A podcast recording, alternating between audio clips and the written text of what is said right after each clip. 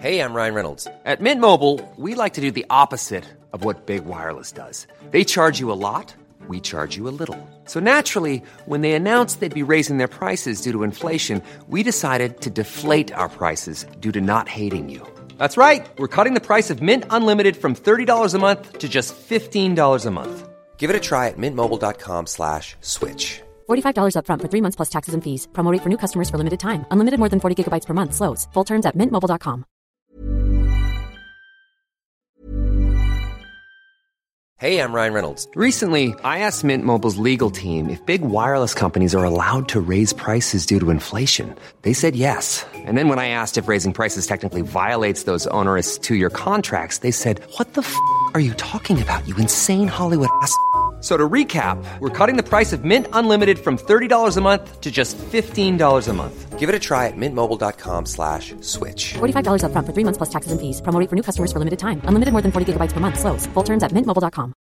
Hey, I'm Ryan Reynolds. At Mint Mobile, we like to do the opposite of what Big Wireless does. They charge you a lot, we charge you a little. So naturally, when they announced they'd be raising their prices due to inflation, we decided to deflate our prices due to not hating you. That's right. We're cutting the price of Mint Unlimited from $30 a month to just $15 a month. Give it a try at mintmobile.com slash switch. $45 upfront for three months plus taxes and fees. Promo rate for new customers for limited time. Unlimited more than 40 gigabytes per month. Slows. Full terms at mintmobile.com.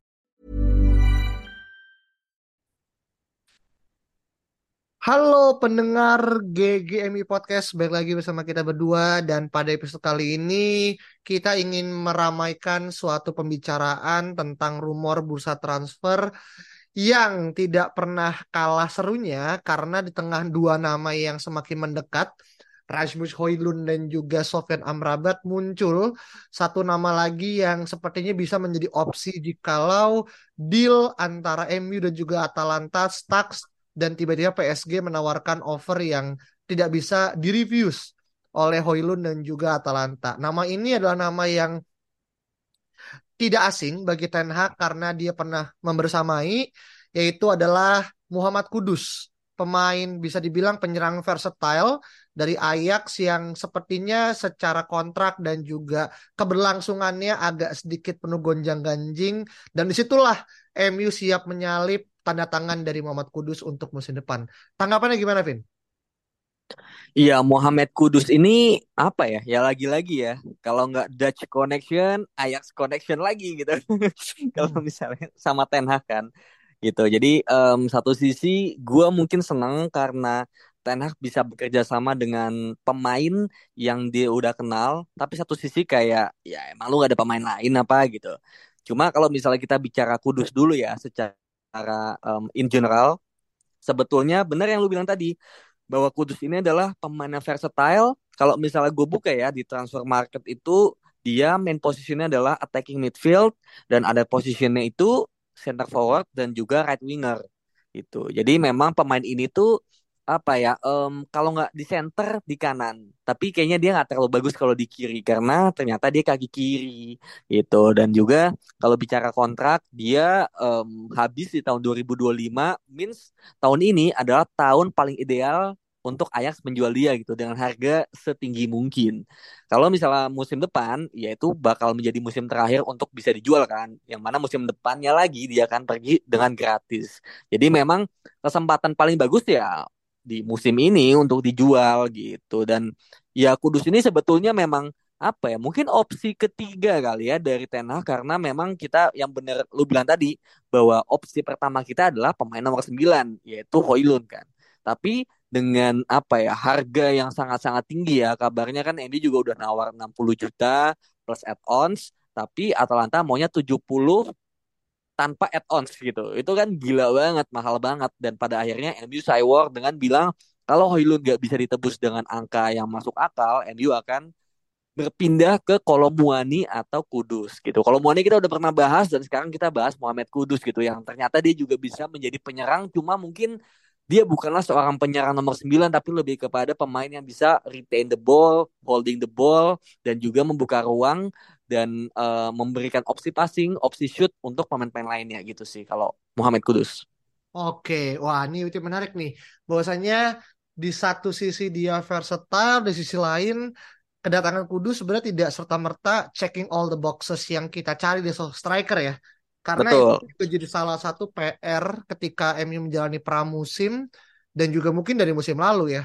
Keabsen atau ketidakhadiran sosok striker atau nomor 9 yang klimis berakibat pada kita yang akhirnya membuang-buang peluang gitu. Dan gue juga ngelihat kalau secara archetype pemain 22 tahun ini emang sebenarnya lebih sering main di posisi 10 dan juga dari wing kanan gitu kan. Di mana kalau kita ngomong wing kanan ya baik lagi dia cukup lumayan gendut ya ada Anthony yang baru kita tebus musim lalu, belum lagi nama Sancho dan juga Amat Diallo yang udah siap untuk bisa merangsek masuk ke atas gitu. Dan kalaupun kita datangin dia, jujur gue sih malah lebih ngelihat ini sudut pandang gue ya.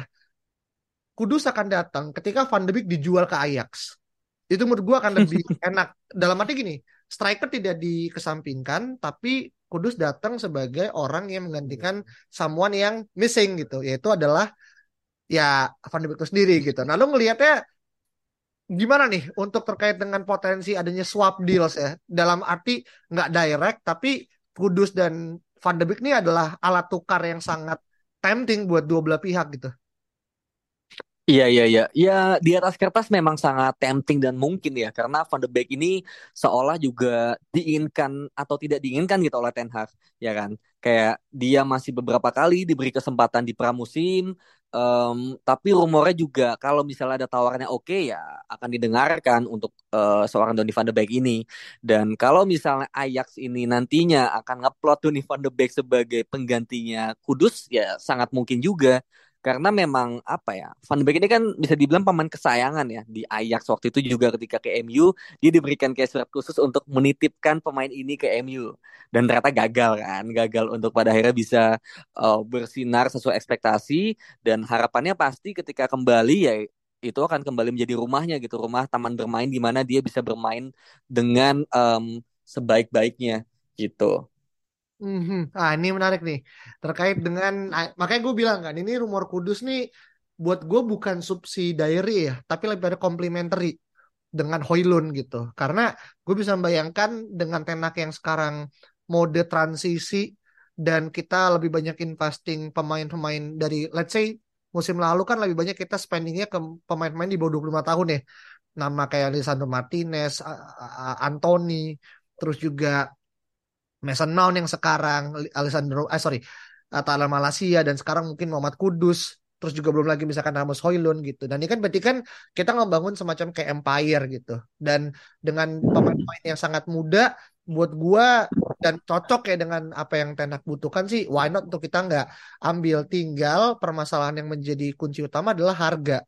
Karena Ajax sendiri menawarkan uh, kurang lebih 40 juta ya 40 juta euro untuk Kudus dan agennya sendiri Jennifer Mendelewitz dia bilang saya pikir yang terbaik untuk Ajax dan Muhammad adalah dia melakukan transfer sekarang. Sekarang adalah waktu yang tepat. Nah hmm. ini kan seolah sudah semacam kayak ala ala Mino Raiola ya. Agen ini cukup quote unquote nakal lah gitu. Uh, memberikan cywar dan seolah sentilan sentilun kepada Ajax dan mencoba membuka kartu trap untuk tim lain untuk silakan kalau mau ngebit ini udah sangat-sangat dibukakan pintunya. nah lu ada ini bakalan terjadi nggak Vin? Karena kan juga Chelsea, Arsenal juga mengincar ya. Yeah. Jadi potensinya gimana nih?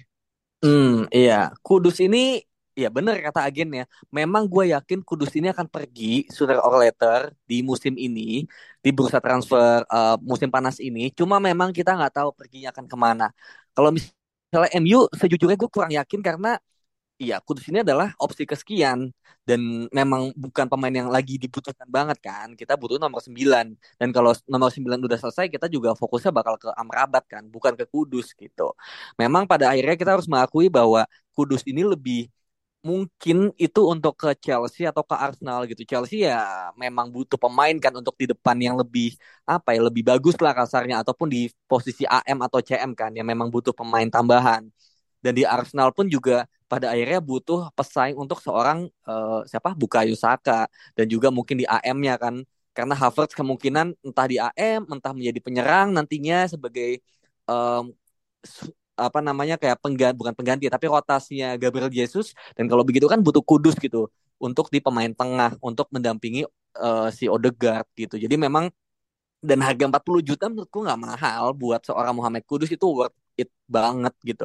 Jadi sebetulnya agak sayang sih kalau kita melewatkan Muhammad Kudus. Cuma melihat budget transfer dan juga mungkin priority yang memang belum ke sana, gue sejujurnya sejujurnya agak um, kurang yakin sih dengan transfer ini sih. Meskipun sangat bagus ya. Gue gua gua ngeliat sedikit ya klip di YouTube dia tuh kayak apa ya? Dia gabungan lah kasarnya ya. Dia bagaimana teknik dia dribble, bagaimana teknik dia keluar dari pressing, keluar dari tekanan, uh, apa apa sih namanya?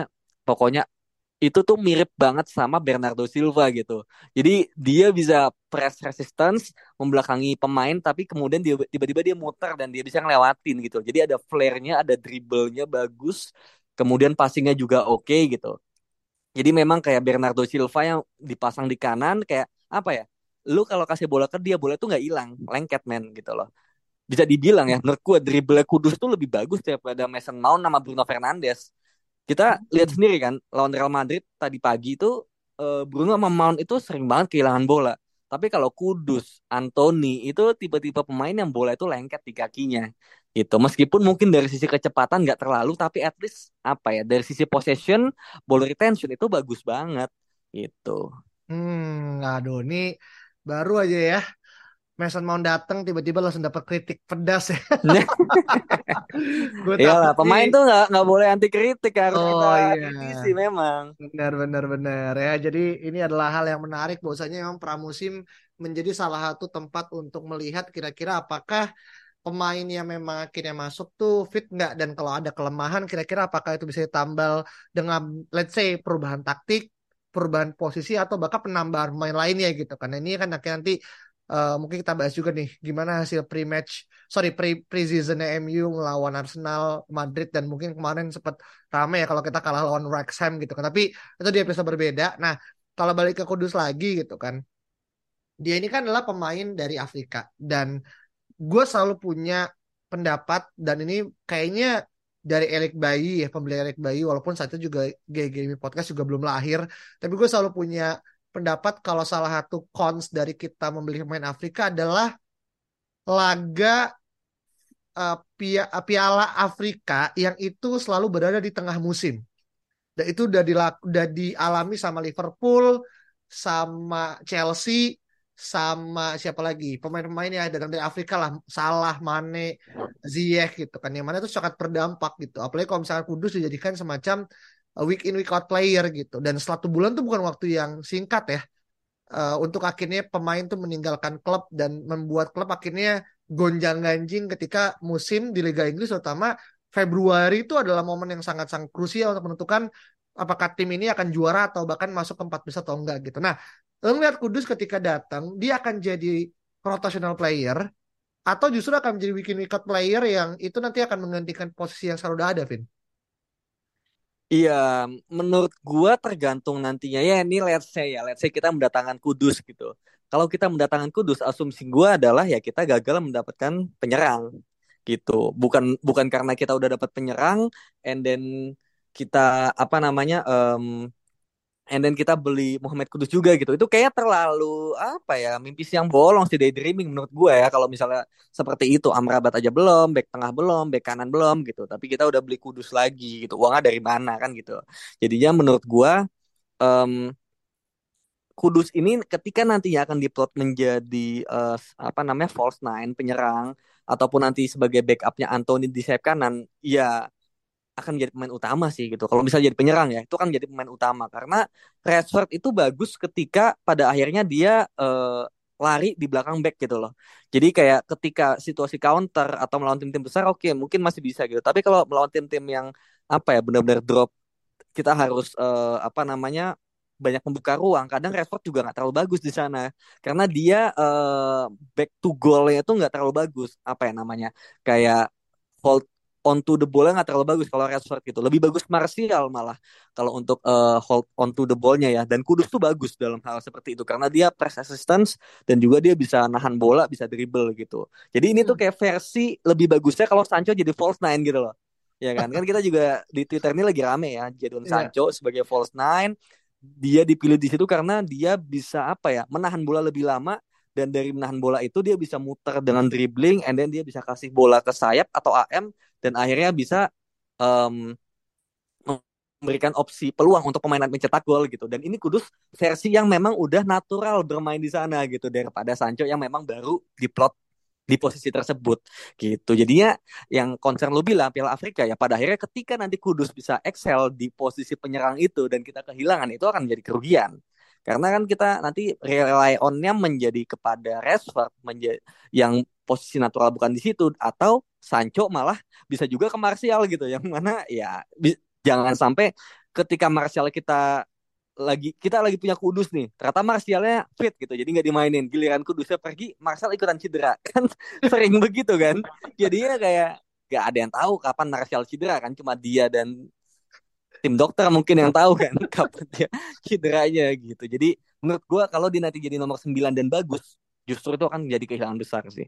Oke ini berarti emang kayak semacam pisau bermata dua ya dia main kurang oke ditebus dengan harga mahal takutnya jadi sia-sia gitu. Dan kita nggak pengen ngulang bursa transfer besar selama musim lalu yang di mana kita mengeluarkan duit besar tapi hasil pas-pasan. Tapi kalau dia bagus pun ya kita akan rely too much sehingga dia justru malah menjadi kayak savior kita di mana kita membutuhkan dia dan semoga harapan gue ya kalaupun dia jadi dia bagus itu nggak kayak semacam musim lalu gitu loh Vini yang MU relying on Rashford too much gitu loh kan kelihatan banget ya hmm. kalau musim lalu kalau musim ini kan let's say ketika let's say misalkan jadi kudusnya bagus at least kita masih punya pemain-pemain kayak let's say ataupun Mount yang tetap bisa menopang apalagi kalau misalnya mencetak gol ya itu diserahkan ke striker ya gitu kan jadi emang porsinya emang lebih pada secukupnya dia bermain sebagai mungkin ya kita menyebut ya posisi advance number 9 ke uh, sorry 10 ataupun ya sisi kanan gitu yang mungkin bisa switch dengan Anthony ketika emang akan dibutuhkan sih. Jadi kalau kita lihat secara kudus sih gue ngerasa dia punya punya potensi ya. Dan dia pun juga datang dari klub uh, Norway, eh sorry, klub Denmark. Dan kayaknya mirip dengan klubnya Hoylund juga sebelumnya deh. Setahu gue ya, hmm. Northderland. Apa namanya? salah. Uh, Northderland itu ya dan gue tadi sempat ngecek juga FC Northern itu adalah satu klub akademi yang cukup melahirkan banyak nama ya kayak misalnya Kasper, Kasper Dolsberg juga dari sana juga gitu dan mungkin ingat ya nama-nama kayak beberapa dan itu menurut gue jadi kayak hal-hal yang menarik padahal Kudus kan dari Ghana ya ya hmm. aja tapi dia masuk ke ak akademi yang mungkin European base itu kan sering terjadi lah di uh, era sekarang gitu. tapi terakhir mungkin terkait dengan Kudus, berapa chanceability untuk dia bisa berlabuh ke MU musim depan? Kalau misalnya chance untuk pergi dari Ajax sih gue yakin itu 90%. Tapi sejujurnya yang tadi gue udah bilang ya di pertengahan episode ini, gue nggak yakin MU bakal kudus gitu. Karena memang um, fokusnya ke nomor 9 dan juga memang pada akhirnya kita um, sangat apa ya, udah sangat dekat dengan Hoylun gitu. Jadi ketika kita dapat Hoylun itu opsi ke Kudus tuh jauh makin jauh lagi gitu. Dan kayaknya emang bukan pemain yang kita butuhkan at least pada saat ini gitu. Dan kita udah gak akan ada kesempatan lagi di musim depan menurut gua dengan budget yang masih seperti ini gitu. Jadi uh, kemungkinannya menurut gue ya satu lah, satu dari sepuluh gitu. Meskipun gue suka profilnya, cuma kayak ya kalau misalnya benar-benar secara realistis kayak enggak sih. Menurut gue lebih kemungkinan dia pergi ke tim lain Chelsea atau Arsenal. Hmm, hmm, iya iya. Walaupun kalau kita harus melihat dia ke Chelsea semakin banyak ya pemain muda ya yang ditumpuk ya sama Pochettino gitu. gue lihat juga ya serem tapi juga ngelihat bagaimana akhirnya Chelsea terus mengincar pemain-pemain yang promising dan mirip kayak Madrid lah ya uh, memboyong pemain-pemain muda gitu kan bedanya kalau Madrid lebih dari uh, apa namanya Brazil ya. Uh, apa namanya Amerika Latin gitu kan. Kalau Chelsea mungkin lebih scoutingnya lebih beragam tuh. Dari Afrika ada dari Eropa ada gitu kan. Jadi kita lihat aja seberapa akhirnya Kudus akan berlabuh dan uh, like it or not suka nggak suka gue pengen lihat sih dia main di Liga Inggris sih. Uh, itu adalah salah satu impian gue walaupun emang kalau misalkan dia jatuhnya ke Arsenal ataupun Chelsea tentu akan sakit hati. Cuman uh, he deserve the chance lah untuk akhirnya main di kasta lebih tinggi lagi dibandingkan eh, divisi sih. Itu yang menjadi poin gue terakhir. Dan kalau teman-teman punya pendapat berbeda mengenai bagaimana Muhammad Kudus bisa move ke MU dengan segala bentuk prakondisi ya kayak tadi swap deal Van de Beek dan juga Kudus atau bahkan kita ngejual Sancho ngedatengin Kudus gitu. Dan banyak teori-teori liar yang mungkin terjadi silakan tulis di kolom komentar di Twitter at GGMI Podcast jangan lupa kasih bintang 5 likes dan juga share spot di link Spotify kita untuk nanti kita bisa terus update hal-hal yang baru tentang MU. Kita ketemu lagi di episode berikut ya. Bye bye.